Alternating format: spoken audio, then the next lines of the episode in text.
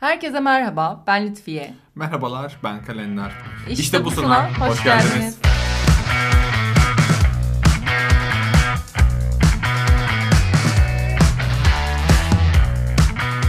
Merhaba arkadaşlar. Merhaba arkadaşlar. Nasılsın Kalender? İyiyim Lütfiye sağ ol. Sen nasılsın? İyiyim ben de teşekkür ederim. Umarım sizler de iyisinizdir arkadaşlar.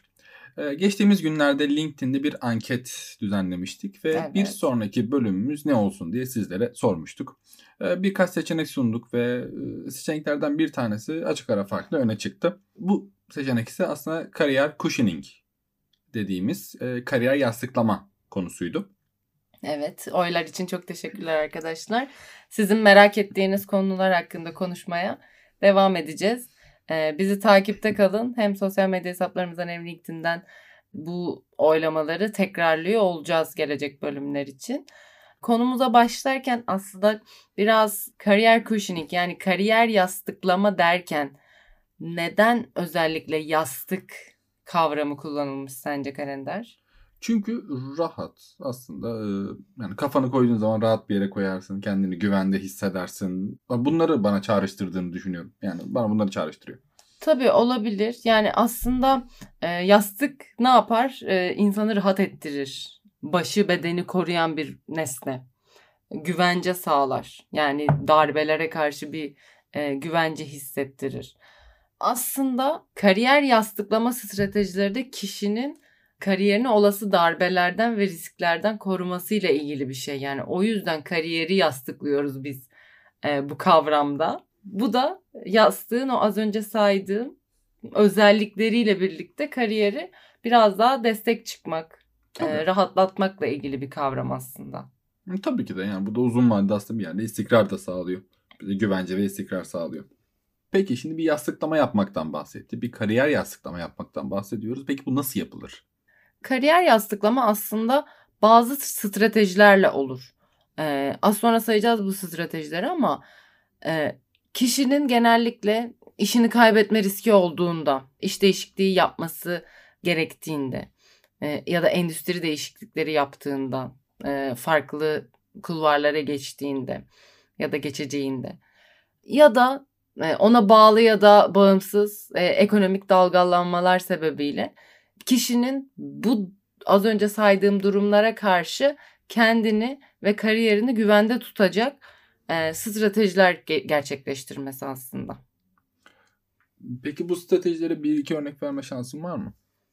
Tabii e, mesela bir kişinin e, yeni gelir kaynağı oluşturduğunu düşünün. Bir ana işi var Hı. ama ek gelir kaynakları oluşturuyor. Ki iş kaybı durumunda maddi olarak hala gelir kazanabilsin. Bunu sence şu an zaten mevcut ekonomik durumlarda Türkiye'de çok fazla duymuyor muyuz? Tabii ki de aynı anda birden fazla iş işte çalışanlar olsun. Hatta aynı evde bile e, birden fazla insan sürekli olarak çalışıyor çalışıyor ve evi geçindirmeye çalışıyorlar. Tabii artık aynı evin içinde de çok fazla yedek gelir kaynağı oldu. E, ya da hani yurt dışından örnek verirsek e, Amerika gibi Kanada gibi yerlerde kişiler genelde ek gelir olarak Uber tarzı e, uygulamalarla ya da başka taksi uygulamalarıyla kendi araçlarını çalıştırıyorlar aslında. Bu da hani hem geçimi kolaylaştıran bir şey ya da birikim yapmayı daha da arttıracak bir şey. Aynı zamanda bu yedek gelir kaynaklarına yatırımlar yapmak işte e, borsada, hisse senetlerinde ya da e, bu Bitcoin bir ara çok popülerleşmişti.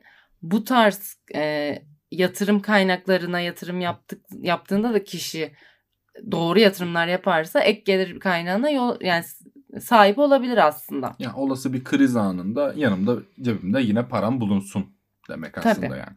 Evet Yani en önemli sayede. ihtiyaç aslında. Olası bir ekonomik dalgalanma ya da iş değişikliği kaybı sonrasında e, böyle bir güvence altına almak için önemli bir stratejiye ek gelir meselesi. E, diğer bir strateji ne olabilir? Kişinin mevcut bulunduğu durumla ya da konumla yetinmeyip sürekli eğitim ve becerilerini geliştirmesi. Kendine yetkinlik kazandırması, kendini geliştirmesi aslında. Evet. Yani eskisinden daha iyi olmaya çalışma. O becerileri geliştirmekle, eğitim almakla. Aslında bu ne? Hem bulunduğu konum için vazgeçilmez olmak niyetinde olabilir bu kişi. Ya da bir iş değişikliğinde daha iyi bir işe geçmek için yine kariyerini yastıklıyor olabilir aslında. Güvenceyi almış ol- oluyor olabilir.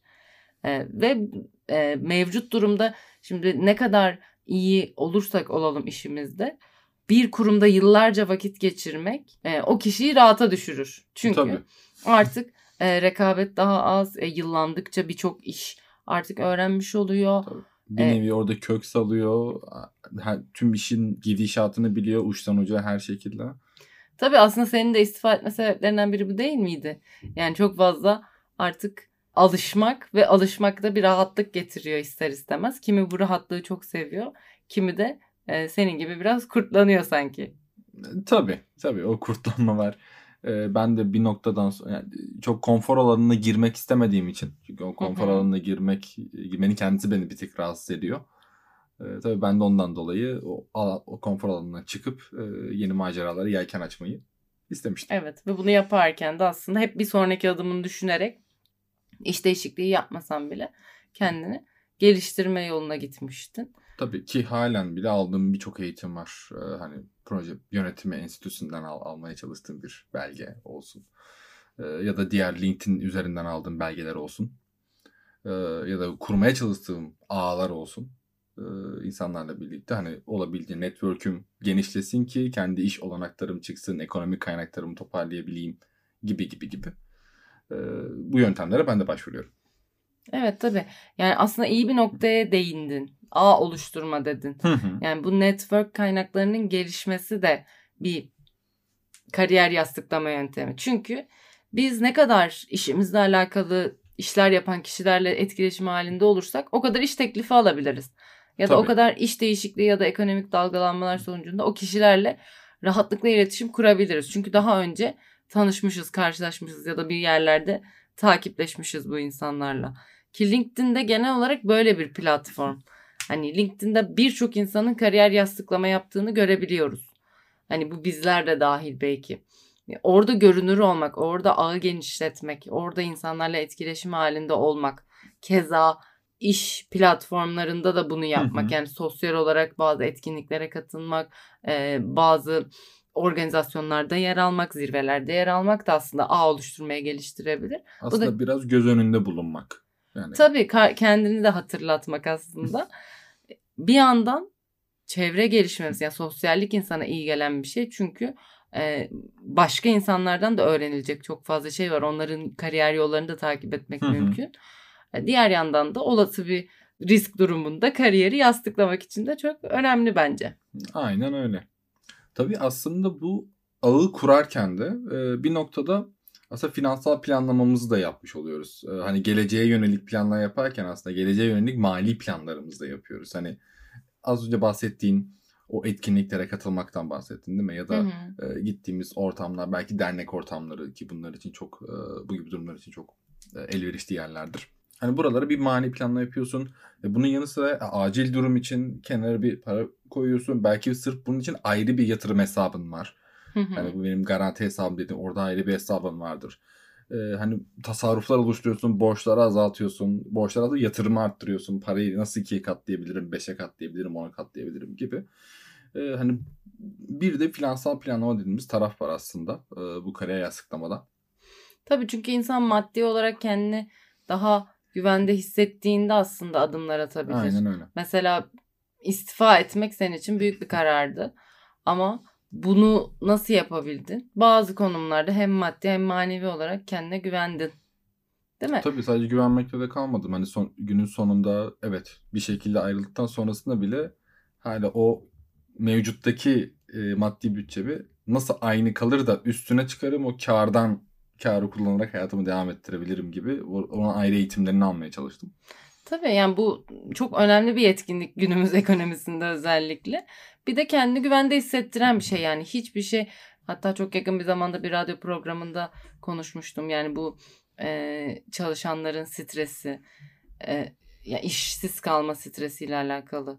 Orada bir danışanıma işsiz kalırsa ne kadar süre onu idare edebilecek birikimi var diye sorduğumda hesaplayıp bana ciddi ciddi gelip şey demişti 6 ay hocam. Yani 6 ay e, çok uzun bir süre aslında çok şanslı bir kişi belli ki. Peki 6 ay içerisinde neler yapabilirsin? Diyelim ki bugün işsiz kaldın. 6 ay sonra ne yapabilirsin? Bana bunu e, hesaplar mısın dediğimde yani çok fazla şey yapabilirim. İş değiştirebilirim. E, yeni iş bulabilirim. Kendi işimi kurabilirim. E, mevcut birikimimle belki bazı borçlara girip yeni şeyler deneyebilirim. Aslında ne oldu? Bu finansal planlamayı şimdiden yapmaya başladığı için kariyerini de yastıklamış oldu. Çünkü 6 ay boyunca yapabileceği bir şeyler olduğunu fark etmesi onu daha güvende hissettirdi değil mi? Aynen öyle. Aslında bu senin söylediğin bir noktada aslında kariyer danışmanlığına da giriyor. Yani teknik olarak as onun aslında kariyerini ya da geleceğini nasıl planlaması gerektiğine dair bir mentörlükte bulunmuşsun aslında. Tabii zaten işimizin gereği bunları sık sık yapmamız gerekiyor. E diğer yandan e, bu işin psikolojisine de hakim olduğumuz için kendimizce. Burada da bu kaygıyı yönetme meselesi çok önemli oluyor. Çünkü bazen bizi engelleyen şey mevcut durumdan çok kendi kaygımız olabilir. Yani bu psikolojik durumumuz da bizim geleceği planlamamız da çok etkili. Biz bunu bir şekilde seans ortamlarında fark ettiğimiz zaman aslında o psikolojik durumu yönetebildiğimizde bu az önce saydığım planlama çok daha rahat e, işliyor.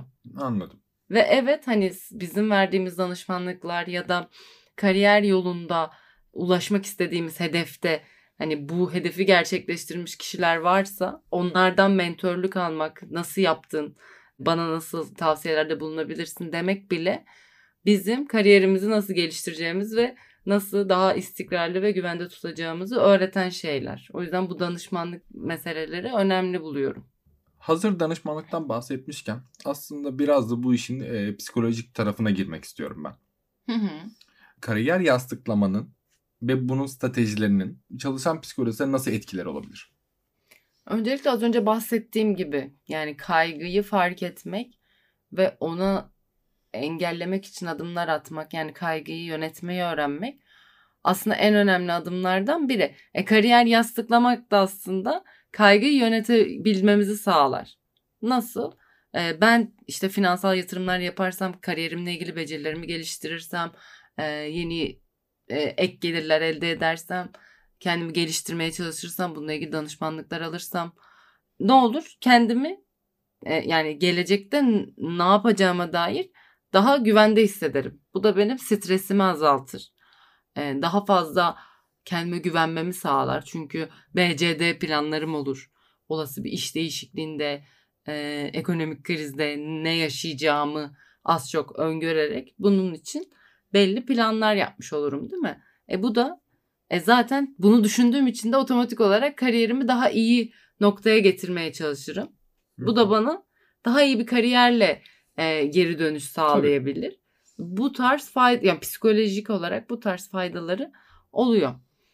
Ve günün sonunda da ben kriz planlarımı önceden yaptığım için kariyerimle ilgili o mevcut durumda e, duygusu olarak bunu kaldırmaya daha dayanıklı olurum. yani şey gibi şu an düşünelim hayatımızda en sevdiğimiz kişileri kaybettiğimizi. Bu çok acı verici bir şey. Ama sana desem ki sevdiğim, çok sevdiğim birini kaybettin. İşte bundan 6 ay sonra nasıl bir hayatın olur? İlk sorduğumda hani çok sevdiğim birini kaybetmek işte ölüm gibi bir şey belki senin için. Yani bir daha hayat hiçbir zaman eskisi gibi olmayacakmış gibi gelebilir. Ama bunun üzerine düşündüğünde 6 ay sonra ne olur? Bir sene sonra ne olur? En kötü ne olur? Bunları tek tek üstüne geçtiğinde şunu fark edersin. Aslında en sevdiğin kişiyi bile kaybetsen kimine göre 6 ay, kimine göre bir sene sonra hayatına devam etmek zorunda kalırsın. Tabii Bu da kaldığın yerden devam edersin. Aynen. Bu da en kötü koşulda bile seni duygusal olarak e, hazırlama ve buna e, daha dayanıklı hale getirmemle e, olur. Ve ola ki başına böyle bir şey geldi. Bununla daha önce daha e, zihinsel olarak bununla uğraştığın için ve bunu düşündüğün için başına geldiğinde eskisinden daha kolay başa çıkabildiğini fark edersin. Bu da senin dayanıklılığını arttırman sayesinde olur. Mevcut kariyer e, basamaklarından teker teker yuvarlandığını hayal etsek. Mesela en kötü bugün battın ne olur? Bugün işini kaybettin. Bugün CEO'ydun yarın işte hiçbir şeysin kariyer anlamında desem. Başta yani bunu yaşamak bunu yaşamadan önce düşünmekten daha zor.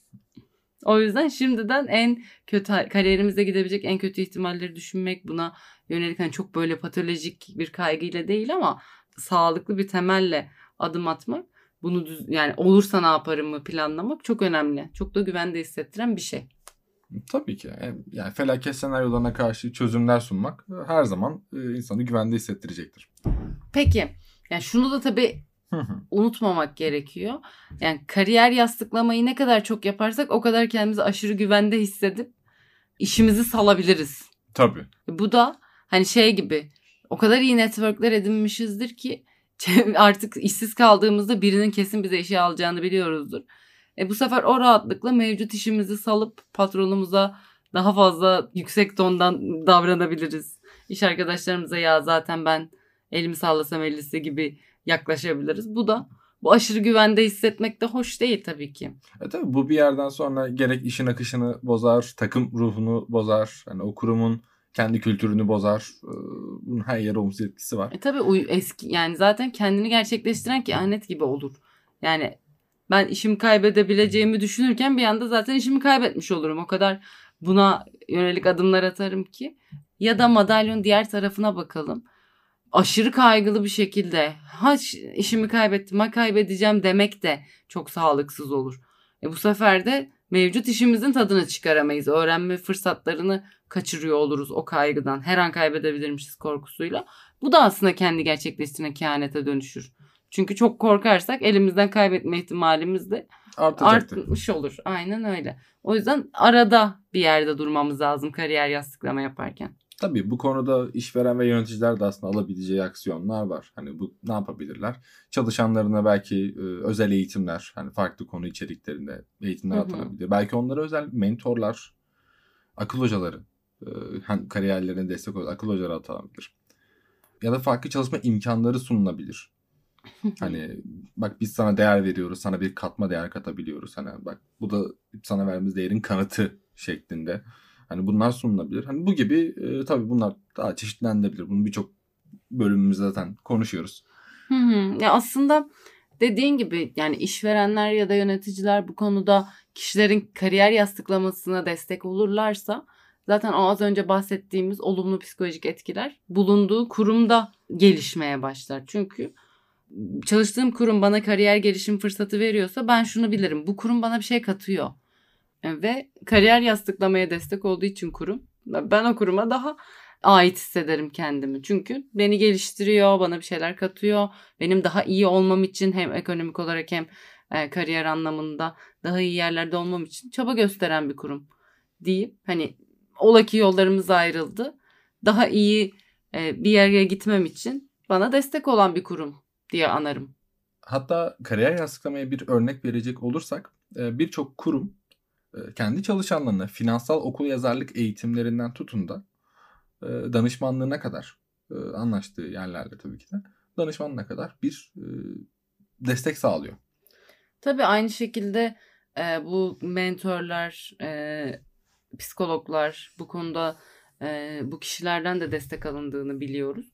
Bunların hepsi aslında çalışanların mevcut kurumun içerisinde kendini daha güvende ve istikrarlı hissetmeleri, geliştirme, kendilerini geliştirmelerini de e, sağlamayı amaçlar. Hmm, gel gelelim. Bugün e, kariyer yastıklamadan bahsettik. Aslında sizler merak ettiniz, anketlerde oy verdiniz bu konuyu merak ettiğinize dair. Biz de e, kendimizce bu konuyla ilgili konuştuk. Güzel de oldu bence. Güzel çıkarımlar yaptık bu bölümde. Aynen katılıyorum. Ağzına sağlık. Senin de aynı şekilde. İlerleyen bölümlerimizde yine sosyal medya hesaplarımıza anketler düzenliyor olacağız. O anketlere katılımlarınızı, e, desteklerinizi bekliyor olacağız. Aynı şekilde. E, ve bu sayede hani sizleri de aslında bu podcast'e katıp hani sizlerin de fikirleriyle beraber hep beraber gelişelim istiyoruz. Evet aynı şekilde. Ee, sizin yorumlarınız ve bize geri bildirimleriniz, bu tarz e, merakınızı da dile getirmeniz çok önemli. Bizi de sizde çok geliştiren bir şey olduğunu düşünüyoruz. O zaman sonraki bölüme kadar görüşmek üzere arkadaşlar. Görüşmek üzere arkadaşlar. Çok dikkat edin kendinize.